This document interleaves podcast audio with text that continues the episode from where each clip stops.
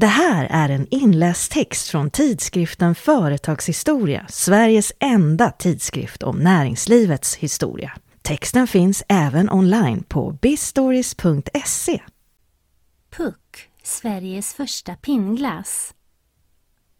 Ett lätt knastrande ljud kunde anas i salen när de ålderstigna ledamöterna i Mjölkcentralens styrelse under ett sammanträde 1934 mödosamt skakade sina gråhåriga huvuden. Inte skulle glass kunna bli någon storsäljare på våra nordliga och kylslagna breddgrader. Det var ju en löjeväckande tanke.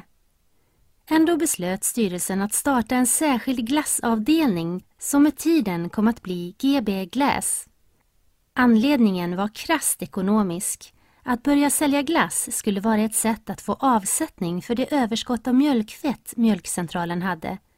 Ur det perspektivet skulle glassproduktion bli en lönsam affär även utan en försäljningssuccé. Fast svenskarna var mer sugna på glass än tidigare. Drygt fyra miljoner människor hade besökt Stockholmsutställningen som hölls på Djurgården 1930 det var här funktionalismen lanserades i Sverige, stilen som inredde och byggde folkhemmet. Men även glasspinnen introducerades på utställningen. Och det var början till genombrottet för glass som sommarsvalkare och efterrättsfavorit i samma folkhem. Glass viktig konsumentprodukt. Mjölkcentralens främste glassförespråkare var sedan början av 1930-talet Erik Hanner han hade av pappan och chefen Axel David Hanner skickats på ett läroår till USA. Där var glassen, till skillnad från i Sverige, en viktig konsumentprodukt som tillverkades industriellt. Erik Hanner hade noterat glassens försäljningsframgångar i USA, även i landets norra delar och var övertygad om att samma framgångar skulle gå att nå i Sverige så fick också den 26-årige Erik Hanner uppdraget att leda Mjölkcentralens glassavdelning. Glassfabriken började byggas i november 1934. Den förlades centralt i Stockholm till Mjölkcentralens huvudkontor på Torsgatan. En tabbe gjordes under planeringen då glassmejeriet kom att byggas vägg i vägg med ångpannerummet Lokalerna där glassen tillverkades visade sig bli för varma och mjölkcentralen måste installera lufttrummor för inblåsning av kallluft. Mjölkcentralens glass döptes till Puck.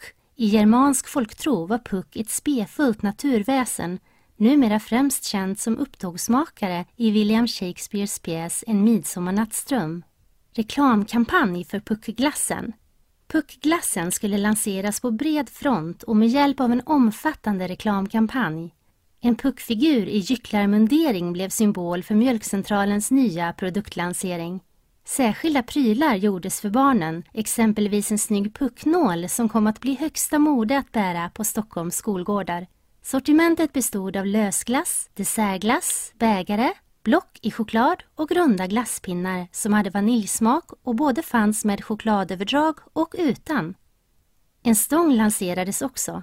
Den kom under GB-tiden att bli döpt till puckstång. Smaken var avancerad. Cocktailsmak med körsbär. Den 23 mars 1935 såldes de allra första puckglassarna på utställningen Vårt dagliga bröd på Sveavägen i Stockholm. I sin marknadsföring framhävde Mjölkcentralen att man saluförde en riktig gräddglass. I en annons stod det Glass kan göras av vatten, glass kan göras av oljeemulsioner, men riktig glass kan endast göras på ett sätt, av mejeriprodukter. Mjölkcentralens glass är en mejeriprodukt, kontrollundersökt, ren och frisk. Mjölkcentralen hade monopol på mjölkprodukter i Stockholmstrakten och blev ledande glasstillverkare i huvudstaden med omnejd. Konkurrensen var dock hård med en handfull andra bolag som också satsade på storskalig glasstillverkning.